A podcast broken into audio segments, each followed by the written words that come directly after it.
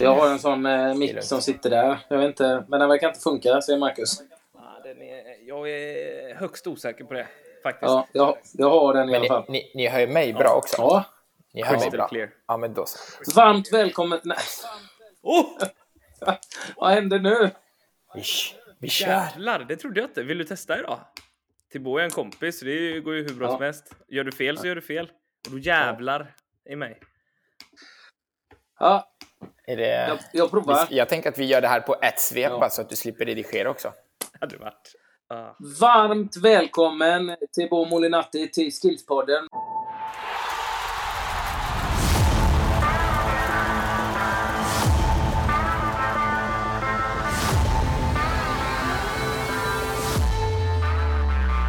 Med mig och Marcus. Min, eh, det är lite, han är lite som David Sundin i eh, Bäst i test. Vet. Ah. Liten, kort, sitter lite under. Men också väldigt rolig. Mm. Du, Tack, tack. tack. Tack. Kul. Mm. Nej, varmt, varmt välkommen till Bo. Jättekul att ha dig här. ja, sjukt roligt. Ja, verkligen.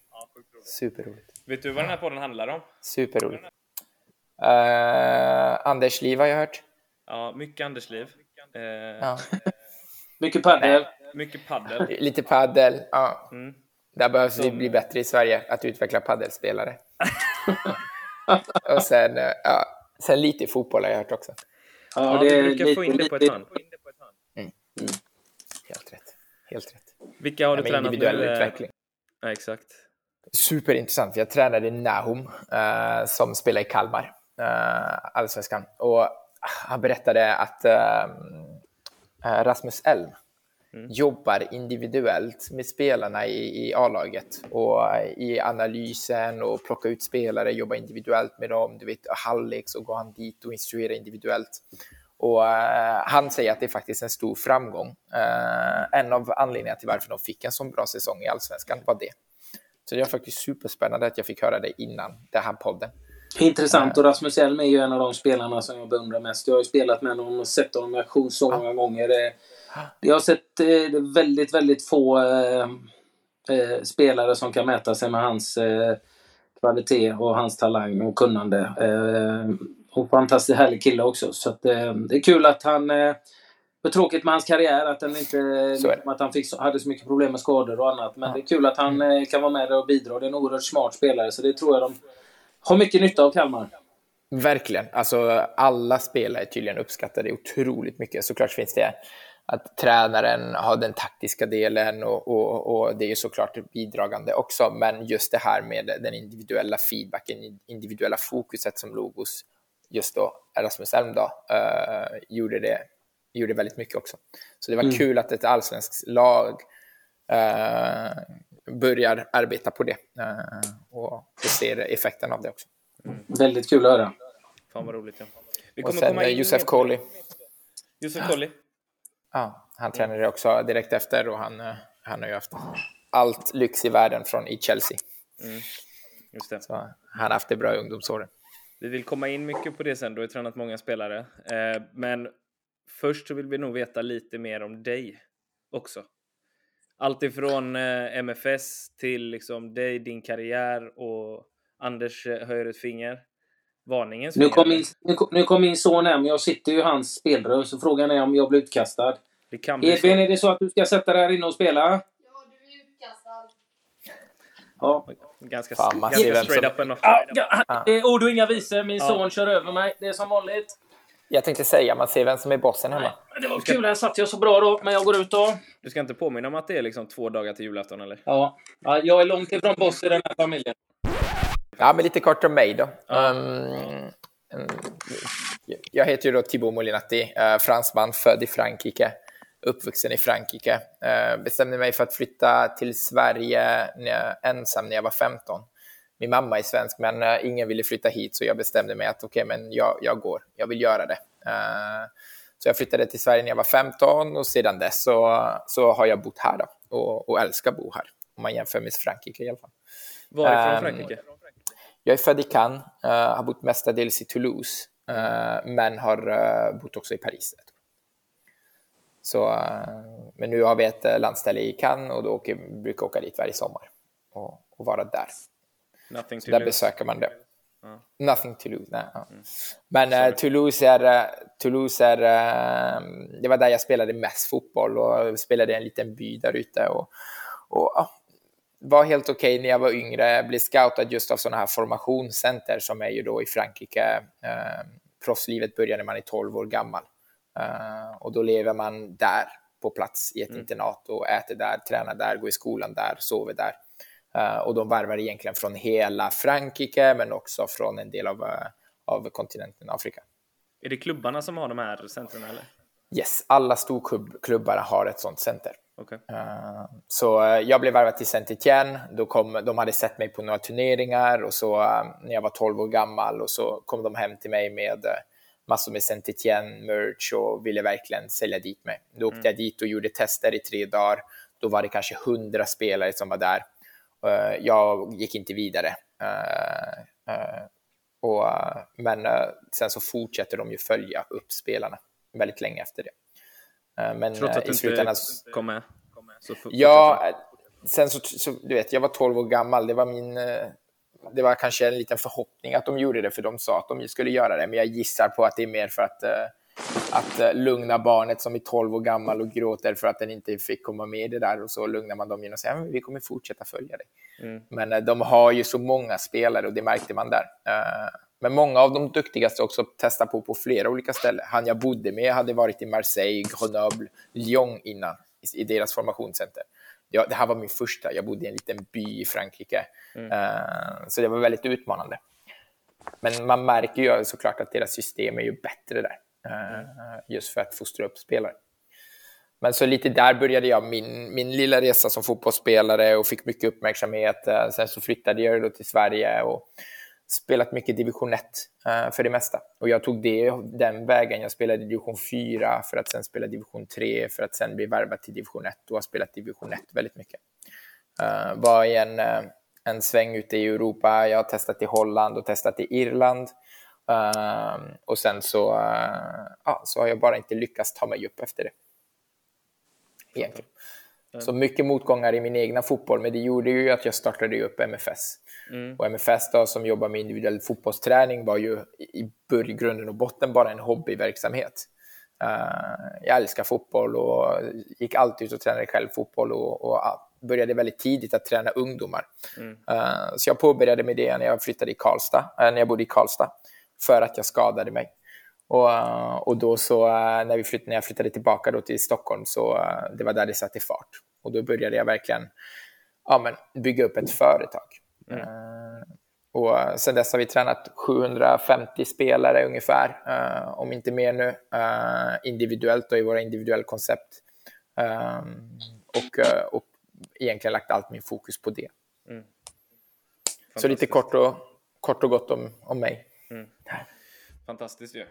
Vad, du, vi pratade om, eh, du har pratat, eller du har tränat många spelare som idag är i utlandet eh, och spelar där. Vad, vad märker du på de spelarna och vad kommer de tillbaka till dig med för feedback om vad de stora skillnaderna är när de går utomlands? Ja, alltså det miljön såklart. Det är ju en mycket tuffare miljö eh, utomlands där det är, det är mycket mer resultatbaserad eh, miljö. Eh, vi, här i Sverige så är vi lite försiktiga med det, att eh, men resultat ska börja senare och, och, eh, och det ska handla om laget. Men där borta så är det ju mycket, du behöver ju prestera. Du behöver prestera, det är så enkelt att du hamnar i frysboxen, det är så enkelt att du får, att du får skäll eller det är så enkelt att du hamnar utanför truppen. Det är viktigt där att man, att man presterar och att man, att man ger resultat. Så jag skulle nog säga att det är en av de, en av de ja, eh, största skillnaderna. Sen så eh, har man ju så mycket mer förutsättningar där. Om vi tar till exempel Josef Colley när han var i Chelsea, men de, de hade ju en idrottspsykolog, de hade ju spetstränare, de hade en fysio på plats, alltså de har en, en massa, de har ju verkligen alla förutsättningar för att, för att just fokuset ska lägga på individen också och inte bara på laget. Och, eh, och där ligger vi ju väldigt mycket efter just nu i Sverige. Så de skillnaderna märker man när man pratar med dem, att wow, vilka förutsättningar de har. Men wow, vad man behöver också prestera. Det är en mycket, mycket tuffare miljö. Eh, om vi jämför med här. Och det går ju att jämföra även i skol, skolan och, och så. I Sverige så är det mycket lättare miljö. Eh, vi, lite så. Ja, men jag tycker det är intressant att prata, men jag vet inte, ja, det hackar lite för mig. Så... Nej, det är bara att mitt internet strular och därför jag bytte igen till sovrummet lite närmare. Jag vet inte fasen varför det strular med nätet här hemma. All right. Så Ja, ja. då blir det ibland eh, frysen i och så hör, och så hör, hör jag ingenting och så kommer det på liksom några sekunder efteråt. Så att, Ja. eh, Vi kämpar Så på. det- det är därför jag blir ibland lite så... Jag, jag, jag krigar, jag ger aldrig Ja. upp. Nej, det är helt Nej, rätt. helt rätt. Helt rätt. Nej, men det är ju det, som är så intressant med just utlandet. Alltså, vi har kommit längre i att förstå att ska vi utveckla fotbollsspelare eh, så behöver vi utveckla individen. Det går inte att bara prata om lag hela tiden. Vi behöver gå in och utveckla individen. Om du kollar på skolan nu, det är exakt samma sak som det var för 60 år sedan. En lärare som står framför 30 elever. Vi, vi, det är ju en självklarhet att det inte går att undervisa samma saker till alla. Alla lär sig på olika sätt. Alla behöver lära sig olika saker. Och på fotbollsplanen är det samma sak. Huvudtränaren ska ha ett ansvar och, och, och bygga ett lag. Men sen så behöver du ju allt runt omkring som jobbar med individen. Och då pratar vi kanske om spetstränare, eh, positionanpassad tränare finns ju också, idrottspsykolog, eh, vi pratar om eh, fysioterapeut, vi pratar om fystränare, vi pratar om allting möjligt. Och, och, och där behöver vi lägga mer resurser på det. Och det finns redan utomlands och där är vi kanske inte lika bra i Sverige just nu. Var det därför du kände att du kom in på det och träna individuellt istället för att bli tränare för lag? För, för att du såg att det var ett behov i Sverige? Alltså, jag, jag, jag jobbade på ett företag tidigt, när jag var 16 år ungefär. Uh, när jag började gymnasiet så jobbade jag på Janne Star Academy. Känner, du, känner någon av er till det? Star Academy. Jag har hört det. Ja, men, ja, men han, var, han var den första egentligen. Uh, och gjorde väldigt mycket bra och, och sen så var det vissa saker som jag tyckte att skulle ändras. Så jag byggde ju upp mitt koncept och, och rättade till de sakerna och förstod att okay, men det han gör och själva grunden av individuell träning är ju fantastisk. Alla behöver ju träna extra. Eh, Sen så tycker jag att man kan lägga ännu mer fokus på individen och inte bygga grupper, att mer jobba individuellt. Eh, och det förstod jag ju själv som spelare då, och jag var den som gick ut och tränade väldigt mycket själv. Eh, och förstod det själv också att okej, men det här behövs. Du får ju så otroligt mycket uppmärksamhet från din tränare individuellt och du får otroligt många repetitioner. Och det saknar man ju på lagträningar. Så det var verkligen nummer ett. Eh, varför är det så, så bra att träna individuellt? Eh, och det är, jag förstår ju att det är någonting som är svårt, att alla lag kan ju inte ha en individuell tränare. Men kulturen från att när jag började med det tills nu har ju växt enormt mycket. För att man börjar få förståelse för det. Eh, och det är, vi pratar om fortfarande kanske bara två spelare, återigen per lag, som jobbar med det här. Om du frågar alla lag i Stockholm, till exempel, och frågar hur många av er tränar individuellt per lag, så gissar jag att det är två stycken, tre som kanske säger jag tränar individuellt. Så det är fortfarande väldigt få som gör det. Men det Vad, behövs. hur, hur funkar det i, samarbete med klubbar och sådär? Har du bra kontakt med klubbarna till de spelarna som kommer? Är det oftast eh, spelare som gör det på egen hand, liksom helt utanför? Eller är det i samråd med klubbar? Eller förstår du vad jag menar? Nej, ja, ja, absolut. Det, det är faktiskt inte samråd med klubbarna. Eh, och det är vårt prio eh, nummer ett nu tillsammans även med Skills, att, att, att, vi, att vi ska nu göra det här eh, lite mer i, i samarbete med klubbarna. Och med det sagt så att man ska, varje spelare ska man ha en kontakt med tränaren och bara påbörja en kontakt så att, man, så att de märker att okay, men vi jobbar tillsammans i det här. För vi båda vill ju det. Vi som, eh, som, som företag och som individuella tränare vill ju utveckla spelare. Laget vill ju utveckla spelare, men just nu så anses vi vara konkurrerande verksamhet. Mm. Det är ju lite tabu eh, att vara individuell tränare för att det kanske finns för många i den här marknaden som är, eh, som Oseriösa. inte lika seriösa. Precis. Du nämner ju det där att eh, du samarbetar med Skills. Och vi, vi vill närma, nämna det, Marcus. Att vi, Tycker jag. Vi, på vi på Skills är ju otroligt eh, stolta och glada att vi har eh, börjat nu ett, samarbete med, med dig Thibaut och eh, MFS som vi tycker är fantastiska på individuell träning och vi hoppas att vi tillsammans med er, med dig och ditt team kan göra svensk fotboll ännu bättre. Så det känns ju skitkul och det blir klart här i dagarna så det är ju otroligt roligt att få, det ska bli jättekul att få jobba tillsammans med dig och ditt team. Vi tänker ju fotboll på samma sätt och vill ju utveckla svensk fotboll. Och det är inte Eh, bara ett så- samarbete ska sägas heller, utan nu har vi faktiskt samma lagtröja på oss allihopa. Ja, ja vi är ju vi är ett team tillsammans nu. Och, ett, ja. mm. ett team tillsammans och där vi kan hjälpa varandra med, med all den kompetens som du har och, eh, och, och det vi har och, och, med de olika koncepten och sy ihop det absolut bästa individuella träningssättet för, för fotbollsspelare i Sverige. Så det känns jättekul. Mm. Och där kan jag addera, jag kan ju addera det lite intressant för att uh, vi har ju det här med jantelagen heter det väl med 51-49 uh, ja. föreningarna och så vidare. Och jag är lite, jag är lite så här att jag kan vara väldigt tufft i det, men just ett problem är ju att, att många föreningar bedrivs inte som, som företag. Och med det så menar jag, okej, okay, men om du har ett företag så har du ju specifika personer med rätt egenskaper på specifika platser. Ja, men du jobbar med marknadsföring, du är väldigt duktig med det, du är vd, du har kanske en överblick, eh, du jobbar med ekonomi, för du är väldigt duktig på ekonomi, etc. etc. Och det är samma sak lite i föreningar. Vi bör ju ha, för att maximera eh, resultatet av det vi gör, så behöver vi ha specifika personer på specifika platser. Och det vet vi ju, för att en förening, vad, vad är föreningen gjort för? Ja, men utveckla såklart individer, utveckla spelare, utveckla lag eh, och det är det vi vill göra och erbjuda eh, idrotten till så många som möjligt. Eh, men för att maximera det så ska vi ju också ha rätt personer på rätt plats. och det tycker jag med just det här med skills, att, att vi har rätt personer på rätt plats. Vi har ju verkligen 360-tänket runt fotbollsutveckling ja, men vi har väldigt duktiga fystränare som sköter fysdelen. Vi har väldigt duktiga idrottspsykologer som sköter idrottspsykologi. Vi har väldigt duktiga eh, individuella tränare som kommer sköta den tekniska delen eh, och även den taktiska delen eh, i det vi gör. Och vi, det är det som, som jag tror är nyckeln i det här, det är att vi är ett företag som drivs för att maximera resultat. Och jag pratar verkligen inte om pengar, jag pratar resultatet i att utveckla fotbollsspelare. Och det är därför den här resan och påbörjat med er kommer vara så otroligt rolig och givande.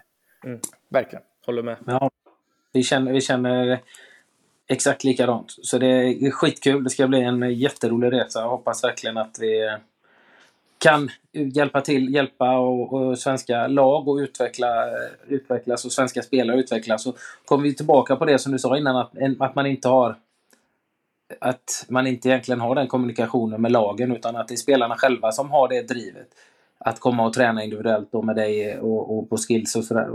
Det borde ju egentligen vara i, föreningarnas och klubbarnas intresse att utveckla spelarna så bra som möjligt. Och har man inte resurserna att ha egna anställda individuella tränare så får man hitta eh, aktörer och, som kan hjälpa med de bitarna precis som man går till ett, till ett gym för att få, få kanske styrketräning eller mental träning eller vad man nu gör. Eh, det, det jag tycker är märkligt med att inte klubbarna har tagit tag i det ännu i Sverige och, och, och jobbar med spelarna individuellt och tar hjälp. Och se, att se sådana aktörer som eh, MFS och som Skills eh, som eh, konkurrenter istället för samarbetspartner. Det är det. Det är det som är fruktansvärt tråkigt för att många hoppar ju in och pratar om belastning såklart. Det är ju främsta anledningen. Men jag har hört tränare som bara nej, du får inte träna individuellt. Du får inte träna individuellt i sina spelare. Varför det? För att jag vill se till att vi har kontroll över belastningen. Men mm alla vet ju att, att människokroppen orkar ju så mycket mer än vad man tror. Ja. Och du sätter ju standarden. Om du tränar fyra gånger i veckan så är din kropp van att träna fyra gånger i veckan. Såklart det kommer vara mer belastande om du tränar i början om du tränar sju gånger i veckan. De träningarna utöver de fyra kommer bli mer belastande, men din kropp vänjer sig mycket väl. Sen pratar jag inte om att det ska vara högintensiv träning hela tiden, men du ska ju kunna träna fler gånger än fyra gånger i veckan plus match. Och det är det som är lite tråkigt, att, att, att många anser att vi är konkurrerande eller att vi gör ett dåligt jobb för att vi inte tänker på belastning. Men jag vågar säga att vi behöver mycket mer träning. Mm. Det, det, behöver vi. Och det är där kommunikationen med spelare, eh, klubbarna kommer in också. Så att de vet, då vet ju vi vad det är för belastning. Du kan köra ett individuellt pass med låg intensitet fast du jobbar på vissa detaljer som spelaren behöver, behöver jobba på. Då kan du hålla låg intensitet om man har den kommunikationen med, med tränarna och klubben bara. Men det är också det att de, de är så rädda för att de inte har någon kontroll. Och, och, och då vill de istället porta det helt liksom. Mm. Eh, vi hade ett samarbete med KB, uh, ett väldigt bra samarbete med KB, en väldigt, en väldigt fin klubb, en väldigt bra människor inom den också. Mm. Kanske inte kalla det för elitklubb, en breddklubb, men, men väldigt ambitiösa och vill verkligen utveckla och gå framåt även i deras utveckling. Och vi hade ett bra samarbete med dem där vi erbjöd just det här extra träningen och de fick en kickback på det och de kunde marknadsföra det, vi kunde sköta det och de visste att vi var seriösa aktörer också, vilket var väldigt, väldigt roligt. Och, och mer av sådana där samarbeten, att vi ska hjälpas åt. Mm. Uh, det är ju det som är lite tanken i det här, att vi, vi, vi har ju samma mål, vi får inte glömma det. Vi vill exakt samma saker. Och därför ska vi ju kunna göra det här Hoppas tillsammans. Man. Uh, ja, utan tvekan hoppas mm. man såklart. Mm. Uh, och det, jag tror att det, framöver så kommer vi vi kommer ju börja och påbörja flera samarbeten. Uh, och ju mer vi bevisar att vi gör ett bra jobb också, desto mer kommer folk vara intresserade av att samarbeta med oss. Mm. Så, uh, så det är ju såklart lite tanken. Mm. Och som start, att ta kontakt med spelarnas tränare tror jag är perfekta introduceringen till just det här. Jag tror jag med. Absolut. Att vi gör det här tillsammans. Du har ju gjort eh, en mer pass än vad jag har gjort i det här landet faktiskt. Men vad... Vilka egenskaper hittar du hos spelarna, alltså generellt? Vilken är den största egenskapen som du ser att vi behöver förbättra mest bland svenska fotbollsspelare? Spelintelligens. Ja, det är någonting som, det var hela filosofin som byggde ju på det. Xavi eh, kommer ut själv och säger det viktigaste inom, inom fotbollen, framtidens fotboll är att utveckla hjärnan. Eh, vi behöver det för att spelet går ju så mycket snabbare nu än vad det någonsin har gjort. Och, och, och det är någonting som är väldigt svårt att utveckla just uh, som lag. Det där behöver vi gå lite mer individuellt och, och, gå in och peta på vissa olika aktioner. Alla situationer är unika, vi behöver prata om dem uh, och gå in lite mer individuellt så att spelaren får rätt uppmärksamhet. Mm. Så spelintelligens skulle jag säga att en, en, spelare med bra spelintelligens kommer klara sig väl inom, fotbolls, uh, inom just fotbollsdelen. Mm. Så det är viktigt jätteviktigt. Right up your alley, Anders. Älskar ju det. Det är ju det. Är, det, är ju det, det är. Spelintelligens, det absolut viktigaste och eh, kanske också det mest komplexa att, att, att träna upp eh, också. Men eh, vi ser ju att spelet går snabbare och snabbare och det gäller att vara snabb i huvudet. Liksom.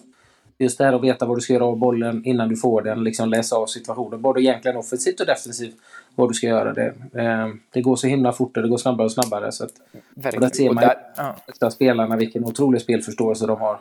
Mm. Där har ni ju ett väldigt bra koncept på skillcentret. Ni, vi, ja, det här är lite ja. nytt, vi är jättesvårt ja. att prata med, men där har vi ett fantastiskt koncept på, på skillscentret, just det här med mål som lyser upp och, och att man behöver vrida på huvudet och, och, och så. Det är ju, det handlar ju mycket om beteende också. Vi jobbar med en, iP vi jobbar med en iPad ute på planerna mm. Uh, där det är olika färger och olika siffror. Och så är folk bara, ja men uh, vad är det där för någonting? Det är tönterier. Uh, det enda de gör är att de bara säger det de ser, de vrider bara på huvudet. Men sen så är det ju beslutsfattande som är viktigt också. Mm. Men i slutändan så handlar det till en början om att skapa beteende. Och inte skapa beteenden i att bara vrida på huvudet för att vrida på huvudets skull om du säger till en spelare kolla bakom axeln så kommer den bara vrida snabbt på huvudet men inte mm. fånga någon information alls. Så mm. iPaden är gjort för att du ska fånga informationen från iPaden och säga det du ser. Det är första steget. Sen så har vi tusentals steg därefter där vi jobbar med beslutsfattande beroende på färg eller beroende på, på siffra eller så vidare. Men i början så handlar det mycket om att skapa beteende. Mm. Uh, och, och, där har man sett faktiskt rätt så mycket resultat från, från, uh, från uh, att kunna jobba individuellt på det sättet. Mm. Uh, så det tycker jag är steg ett. Steg två i det är ju också att få den här individuella feedbacken och se sig själv spela matcher. Du lär dig otroligt mycket att se dig själv spela matcher. Alltså, och, och där behöver du någon som vägleder dig såklart. Mm. Men där kan man prata mycket taktik, man kan prata mycket beslutsfattande och få spelaren att tänka. Att reflektera runt de beslut och aktioner den har gjort. Mm. Och sen så har du själva teorin, teoretiska. Vi jobbar ju för lite med teori. Jag tror att, att spelare i breddföreningar får inte en enda teorilektion tills de kanske kommer upp i ett A-lag i division 4 eller division 5 och då är det kanske inte heller någon teorilektion. Så det betyder att jag har gått en hel karriär utan ens att, att, att prata fotboll teoretiskt. Och, och där förstår jag att äh, vi har ju väldigt många föräldratränare och därför kan inte man alltid erbjuda det, men där kanske man kan vara med och hjälpa föreningar och hjälpa lag till att jobba mer teoretiskt så att man får lite mer förståelse för spelet rent, rent teoretiskt och med samma vokabulär och med mera. Så de tre delarna tycker jag är jätteviktiga. Den praktiska på plan, den praktiska att se sig själv också spela och analysera och få individuell feedback och sen den teoretiska. Där har vi bra förutsättningar för att jobba med spelintelligens. Och det, jag tycker vi kan fortsätta med att skicka vidare ett litet tips till alla föräldratränare där ute hur man kan jobba med det ute på planen. Ganska enkelt med ett par flerfärgade platta koner till exempel. Ganska enkelt att visa upp och hålla upp. Spelarna måste vrida om, ropa färgen och så vidare och så jobbar man vidare. I en vanlig Verkligen. övning eller i en, I en vanlig övning. Exakt. Vad som helst I alla egentligen. typer av matcher. Ja, men jag vet men att just så... att skifta fokus. Mm. Exakt. Och jag vet att så jobbade vi mycket med, med spelare innan vi hade våra smart targets. Eh, då jobbade vi mycket med platta koner som vi tog upp. Ibland visade vi ingen och då blir de ju lite så här, vad fan händer nu? Men att bryta ett mönster och, och, och, få dem att förstå varför man vrider på huvudet. Eh, inte bara stå och skrika vrid på huvudet, för det hjälper inte så mycket. Mm. Tror jag i alla fall. Vi har ju fått mycket frågor från som lyssnar på podden från, eh, som är tränare ute i landet som kanske har det svårt med att få in det individuella i, i eh, och hur man löser och tränar på de här individuella bitarna när man är i större grupper. Man kanske inte är så många tränare. Och, och jag har lite samma problem i det ungdomslaget jag tränar där vi, vi är sällan många tränare men vi är många spelare. Och försöker ju alltid göra stationer men jag ofta, försöker när jag behöver bryta in på individuella grejer, eh, övningar och moment att ta en, en, en större grupp som är nästan självspelande spel eller en tränare kan övervaka och så tar jag en mindre grupp där man jobbar med, med typ sådana bitar som du pratar om Marcus, där jag sätter man jobbar eh, egentligen tre och tre. Liksom. Där en passar bollen till en som möter och den tredje står och håller upp en färg. Och den färgen som man scannar bakom då ska du ta, ta emot bollen och så runda den färgen, konan, in i mitten igen, spela tillbaka bollen och så kommer nästa passning och så vrider man och så, så växlar man däremellan. Men just det här med att ha en stor grupp och så lyfter man ur några för att jobba individuellt. För det, det är mycket lättare om du har sex spelare, liksom, då kan du bryta ner och jobba med de sex. Men har du 25 mm. spelare så är det ju svårt att jobba och bryta ner individuella egenskaper. Mm. Vad säger du till Där har du ännu mer erfarenhet. Och, och, och Nej, jag, jag, håller, jag håller med. Och du säger det själv, du drar ju ut tre spelare från en större grupp och lägger mm. fokus på individen mm. och, så, och så jobbar du med en viss sekvens. Det är ju att jobba individuellt. För att du möjliggör helt plötsligt individuell feedback, vilket är det mm. som är intressant i det. Och sen, som tränare, tänk så här, du, såklart du kan inte ha uppmärksamhet på alla spelare. Men om du beslutar dig i veckan att okej, okay, men jag kommer jobba med endast uh, backlinjen den här veckan. Jag ska mm. försöka lägga extra fokus på min backlinje och kunna ge en feedback till en spelare till exempel. Att du, att du mer skiftar ditt fokus just på färre spelare. Så under en månad så kommer du kunna gå igenom alla dina spelare och alla dina spelare har fått någon slags individuell feedback. Precis. Och då har du ju jobbat individuellt med dina spelare. Mm. För återigen, när du står där med 30 spelare framför dig och så pratar du om taktiska delar eller instruktioner. Du har 20 spelare som inte lyssnar. Du har 10 spelare som inte förstår och så har du två, tre spelare som kanske bara, ja, men jag är helt med. Mm. Så det är ju där att gå in lite mer, alltså även om du inte kan göra det praktiskt helt och hållet för du inte exakt uh, alla övningar, så går du in mer individuellt i ditt feedback och snackar med spelarna och försöker hjälpa dem med deras utveckling. Bara där tycker jag att man gör väldigt mycket. Och då är det ju egentligen ingen superstor resursfråga, utan det handlar ju mer om, om strategin i klubben och hur man lägger upp en träning, tycker jag. Så. Mm. Så. Men då ändrar du beteende från att vi utvecklar ett lag Absolut. till att vi utvecklar individ, individer. Och det mm. är inte svårare än så. Laget är otroligt viktigt. Du ska ju jobba mot samma mål, självklart. Mm. Men du ska ju också kunna skifta ditt fokus mot individen, för i slutändan starka individer bygger ett bra lag. Mm. Uh, så det är ju viktigt också att inte prioritera bort det. Nej. Och jobba med det här visuella tycker jag är viktigt också. Du pratar om den matchanalys som jag tycker är viktigt. Att se sina matcher själv när man, och, och ha den teoretiska genomgången med spelarna. För om jag går igenom saker från matcher, de kommer inte ens ihåg de momenten, men visar man det så ser de själv. Jag behöver inte ens... Jag kan frysa liksom. Vad, vad kan du göra här liksom?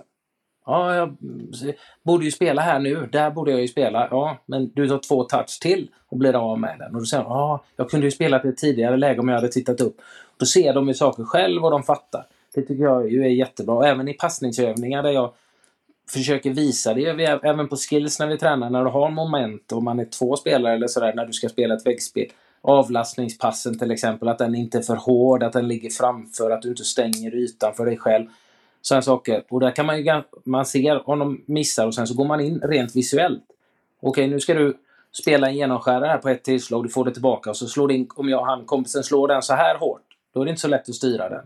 Men om och slå den Och verkligen gå in och visa. Jag tycker det är, det är också viktigt, tycker jag, i tränare där man ser lite för lite av det. Absolut. Och det underskattar man ju lite såklart. Alltså svenskans alltså utbildningsmodell. Alltså, det är ju inte bara, det, finns ju saker och ting man kan utveckla, men det är ju vissa, väldigt många saker som också är bra mm. och, och, som man kan förstärka i det. Att, att gör du de sakerna så kommer du få resultat. Just det här, man pratar ju mycket om att frysa, man pratar ju mycket om att gå in individuellt i de tekniska moment och förklara verkligen vad du menar med, du, du kan säga bra touch, spelar ingen aning vad du menar egentligen. Mm. Varför var det en bra touch? Och att det finns ju vissa saker som är väldigt bra i svensk utbildning, men vi tränare har vårt ansvar att, att verkligen göra det. Att inte på något sätt tumma på det arbetet. Uh, och det tycker jag att vi kan bli bättre.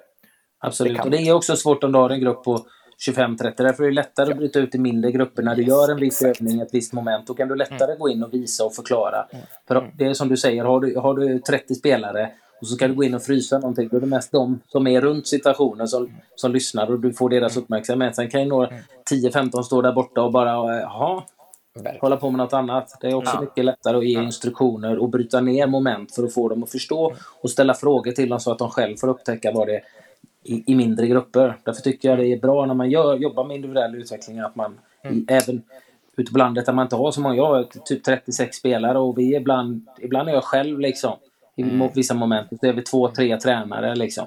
Vi brukar köra en grupp och så bryter vi ut en liten del och så jobbar vi med dem och sen så växlar vi runt så alla får jobba med olika moment. Och det tycker de som är ute, ja. ute i, i, landet som har ställt de här frågorna. Hur löser man för att träna individuellt? Vi är få tränare och vi är många spelare och vi har inte de resurserna. Liksom. Det finns ju ett, ett bra mm. tips för dem. Nej, men sammanfattar vi det så tycker jag att det är jättebra. Alltså, dela upp det. Dela upp det. Uh, du som mm. tränare vet att de kan ju spela såklart uh, x antal spelare mot x antal spelare och spela match och låta dem bara njuta av att spela match. Mm. Och sen så kanske du plockar ut spelare mm. och jobbar lite mer individuellt mot dem. Om det om vi pratar om sista kvarten eller sista halvtimmen där du kan bara mm. göra det. Det är ju ett perfekt tips för att lägga mer fokus på individen. Uh, och sen återigen kanske skifta ditt fokus mer alltså per träning eller per vecka eller per mm. månad. Just den här spelaren ska jag lägga lite extra fokus på när det gäller den individuella delen. Och så lägger du den fokusen. Och så adderar vi filma. Filma träningar eller mm. filma matcher. Klubbarna ska investera i ett VO-system. Även om du kan mm. inte ha det varje match.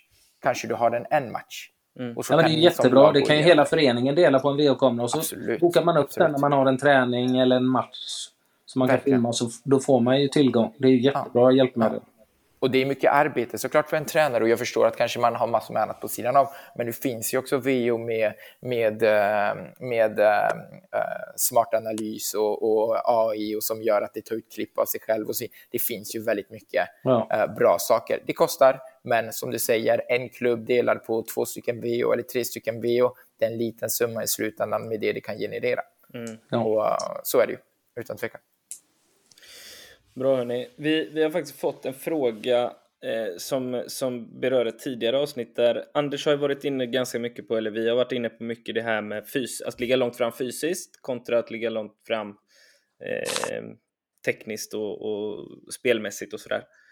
Eh, där du Anders pratar pratade om ett exempel från Öjersjö eh, med en spelare som inte låg så långt fram fysiskt som, som hade fått spela eh, med jämnbördiga fysmässigt Mm.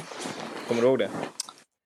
Ja, jag tror jag har nämnt det flera gånger. Jag tror jag, det är det jag tycker är ett stort problem i ungdomsfotbollen. Att man, många ledare ser rätt kortsiktigt resultat där man kan vinna eh, serier. Och då, då, då, då lönar det sig att gå på de som är stora, starka, snabba som egentligen inte behöver lära sig andra egenskaper. Och då kommer en del spelare som ligger långt fram spelintelligensmässigt och har många fina egenskaper men rent fysiskt kan de inte mäta sig. Och i den åldern så avgör fysiken betyder så mycket. Och då jobbar man inte med dem. Och många av de här som ligger väldigt tidigt fysiskt behöver inte utveckla andra egenskaper. Och då kommer man i kläm. Det är ju en ledarfråga att ledarna ser det och mm. utvecklar de spelarna och också prata med dem.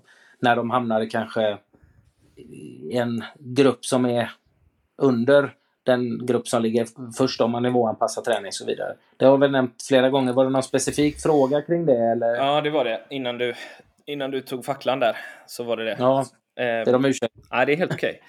Nej, men jag vet inte om han missuppfattade avsnittet eller, eller det du sa Eh, jag kommer inte ihåg det om jag ska vara helt ärlig, men, men frågan är varför ska de med bra fysik inte få möta en spelskicklig spelare bara för att de är fysiskt bättre? Uh, det, det, är ju, det är ju liksom inte så det handlar om, utan Eh, det handlar ju om egentligen att alla spelarna ska få utmanas och spela i egentligen olika nivåer. Och det jag menar, pratade med den här killen eh, som har hög spelförståelse, men just nu ligger han fysiskt långt efter. Om jag skulle dela upp i svår, eh, medel och lätt nivå så i, tror jag han skulle utvecklas och spela mer i, i medelnivå. För i, i, i den eh, svårgruppen så ligger han lite efter fysiskt. Då får han inte riktigt den tiden. Samtidigt eh, att, att göra sina grejer och utvecklas och få självförtroende och bygga upp självförtroende. För, för det går kanske lite för fort där uppe och, och, och det smäller lite mer om man använder kroppen. Så det, det är ju mer att jag tänker på den spelaren, att bygga hans självförtroende. Mm. Så att han eh, får tid och han får växa. Och, och så ibland så är han uppe i svår och kör mot dem. Och så är han nere kanske, om du har tre träningar så är han kanske i medel två träningar. Mm. För då lyckas han med väldigt mycket, hans självförtroende byggs upp. Sen upp en träning i, i svår, där det går, där tempot är lite högre. Det smäller lite och har inte lika mycket tid med bollen. Och för varje gång han kommer upp där så, så utvecklas han ju. Det mer, handlar ju mer om att utveckla den spelaren. Det, sen finns det ju spelare som ligger bra fysiskt och har eh, bra spelförståelse också. Mm. Eh, så, men många som ligger lite efter fysiskt men ändå har bra spelförståelse. De kan kastas bort bara för att de inte kan hävda sig på den högsta nivån just nu, rent fysiskt. Det var mer det jag varit inne på. Eh, mm. eh, så att jag kan komplettera. Ja, ja nej, kör, komplettera gärna Tibbo det är exakt som du säger. Alltså man brukar prata om att spelarna ska utmanas på den nivån de befinner sig just nu. Uh, och de ska vara i en miljö där deras, såklart, som vi pratar om, självförtroende vet vi ju är otroligt viktigt. De ska vara i en miljö där den inte påverkas negativt. Det betyder att den spelaren, om den går upp och spelar med svårt men klarar inte av att faktiskt få väldigt många motgångar, då kommer den spelarens psykologi, alltså, uh, mentala del försämras. Alltså han kommer ju säkert ha sämre självförtroende efter det. Uh, och det är väldigt få som har väldigt starkt självförtroende när de är ung. Alltså det eller ha verktyg för att hantera motgångar, det behöver man lära dem. Men uh, så därför, de behöver utmanas på den nivån de befinner sig just nu. Mm. Det är jätteviktigt. Uh, sen som någon gång så ska de ju utmanas lite extra. Sätt in den spelaren i en svår miljö, den ska utmanas, då kommer den lära sig kanske annorlunda eh, verktyg eller annorlunda teknik för att ta sig loss just en sån här stark närkamp eller så vidare. Mm. Uh, men man ska vara försiktig framför allt egentligen att inte den psykologiska delen påverkas negativt. Mm. Det är ju bara det man ska hålla koll på. Jag tror... Och där pratar, jag, pratar mycket med spelarna menar jag, liksom, att jag förklarar ju för de här. Jag har ett par stycken som har hög spelförståelse, men de hänger, det går lite för långsamt just nu. Men jag ser in i, i liksom fasta passningsövningar, till exempel när du ska spela och så flyttar mot en ny yta för att få den att spela på tredje spelare de, fattar, de är bland de som fattar det bäst.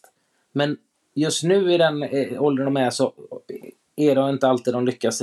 Eh, för de hinner, det, det, det är liksom lite för hög, högt tempo, det smäller lite, de använder fysik. Så det handlar ju om att prata med dem, att bygga upp deras självförtroende. Ibland är de där uppe, för varje gång de kommer upp, desto mer lär de sig att okej, okay, här går det snabbare i tempot. Men de har ju huvudet liksom, och så pratar jag mycket med dem. Då är det ju svårare med dem som ligger långt fram fysiskt. Det jag kan säga någon spelare som vi har som en mot en, så vet jag inte någon som, spelare som skulle slå, om de skulle spela fotboll en mot en.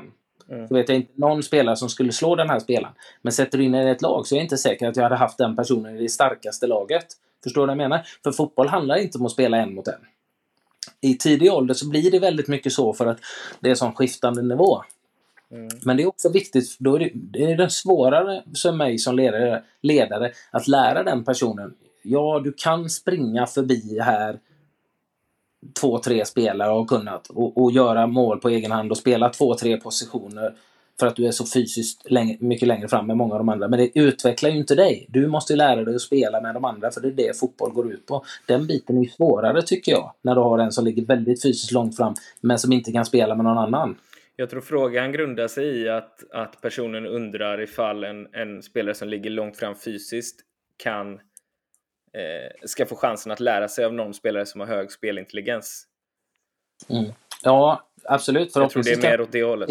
Se och lära i sådana spelmoment. Och jag försöker ju hela tiden påpeka på de här spelarna som ligger långt fram fysiskt som inte som inte använder sig av, egentligen gör rätt. Mm. Men de gör fel saker men de, de går segrande ur en duell ändå för att de är fysiskt längre fram. Mm. Och då är det ju min uppgift, det är det jag säger, det är nästan tuffare att få dem att lära sig att göra det rätt fastän de kanske inte vinner lika mycket på det kortsiktigt. Förstår du vad jag menar?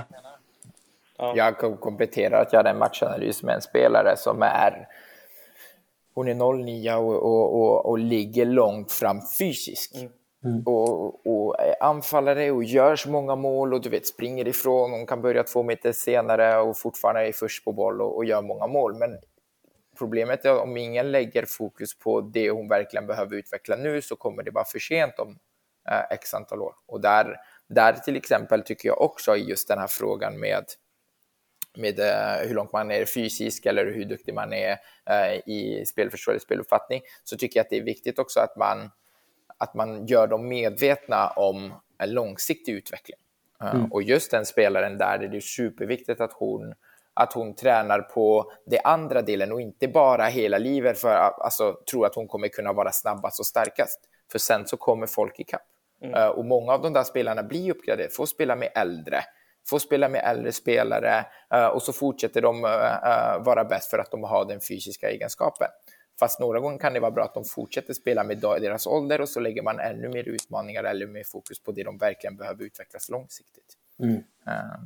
Det är i alla fall ett exempel som jag tänkte just på det här med storlekar och det andra är ju Gri- Griezmann är ju perfekta exemplet också Ja, i att, i att storlek är inte allt. Alltså, du måste ju tänka när du utbildar spelare på långsiktiga utvecklingen. Resultat, du kan inte bara fokusera på resultat som du säger Anders, att vi spelar med de här för att då kommer vi vinna serien. Det går inte. Vi kan inte fortsätta tänka på det sättet. Vi behöver utveckla spelare långsiktigt. Det är ju superviktigt eh, framöver. Och då handlar det om att vi har duktiga ledare som kan se det och som kan göra det. Som inte bara ser till att kanske till exempel göra en egen karriär för att kunna säga att mitt tioårslag liksom vann serien klart och tydligt. Jo, men har varje spelare blivit bättre eh, då, då kan du ju vara nöjd. Om du har fått alla att, att utveckla spelare så att när de kliver högre upp, liksom, ja, de har blivit bättre. De har blivit, så att det är väl ganska oviktigt. Vi kommer in på den här nu. Nu med det, det laget jag tränar blir 13 år nästa år och får spela med tabeller och sånt där.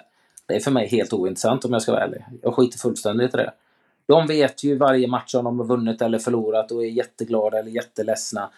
Eh, där, och det bryr jag mig inte. Däremot så vill jag ju se att vi utvecklar saker som och, de utvecklar egenskaper. Att de lär sig förstå fotboll och, och, och hela tiden pressa sig själv till att bli så bra som, som möjligt. Liksom, och lär sig grejer. Det är det viktigaste. Resultatet, eller om de kommer etta i tabellen eller åtta i tabellen, spelar ingen roll. Men där också att skiftet på just utbildningen ska vara, det är ju det som återigen är viktigt. Vi ska utbilda spelarna på och lägga fokus på rätt saker. Och det, det kan kännas som en självklarhet när vi pratar så här, och det kan, men det är ju såklart mycket svårare än så. Uh, absolut, men, uh, men jag tycker att vi bör vi bör kanske lägga lite mer fokus återigen på långsiktig utveckling, lite mer fokus på individuell, eh, på individen, alltså på spelarna individuellt. Eh, och, och, och där tycker jag att vi lägger lite för lite fokus just nu. Jag håller med dig helt. Men det ska vi förändra tillsammans nu ju. Så att det är lugnt. Vi fixar det. Ja, ja, det är ju det som är tanken. Exakt. Det är Ja. det som är tanken. Vi löser den och det är därför, ja, utan absolut, verkligen. Eh, bra hörni. Anders, vill du köra din fråga eller? Vill du, jag har fortfarande inte fått från Ola att den är raderad. Nej, du har inte fått det. Nu, och kör ju mer individuell... Eh, Men ska vi, ska vi köra tips då? Till de som lyssnar? Tips på lite övningar, kanske? Ja, vi skulle ju egentligen filmat och lagt upp klipp på det. Det har inte mm, jag har gjort så mycket till vår. Du har ju övningar. Vi skulle egentligen lagt det på skills, någon, någon övning, men eh, där man kan jobba individuellt. Vi har ju pratat lite om olika övningar som vi nämnde med konerna och sånt där. Vi skulle ju Jag kunna... skriver upp lite idéer, så jag tycker det är jättebra eh, Ja. att man kan göra det. Eh, Det, jag tror det är många tränare där ute som jobbar och som lyssnar på oss och som vill ta in idéer. Men vi kanske på något sätt skulle la, lagt någon eh, slags ritning eller någon lätt filmning på... på eh, det är någonting som vi kanske skulle ta med oss och börja med i podden för folk som lyssnar. Övningar. Det är, Tibå har ju tränat individuella övningar hur man kan jobba med spelare. Även om du jobbar mycket individuellt så kan jag även klubb, klubbtränare tar ut och absolut. individuellt med spelare under, under träningarna i moment. Mm. Absolut. Men vi, vi kör din fråga Anders, tycker jag. Så börjar Ska, ja, jag kör den då. Ja.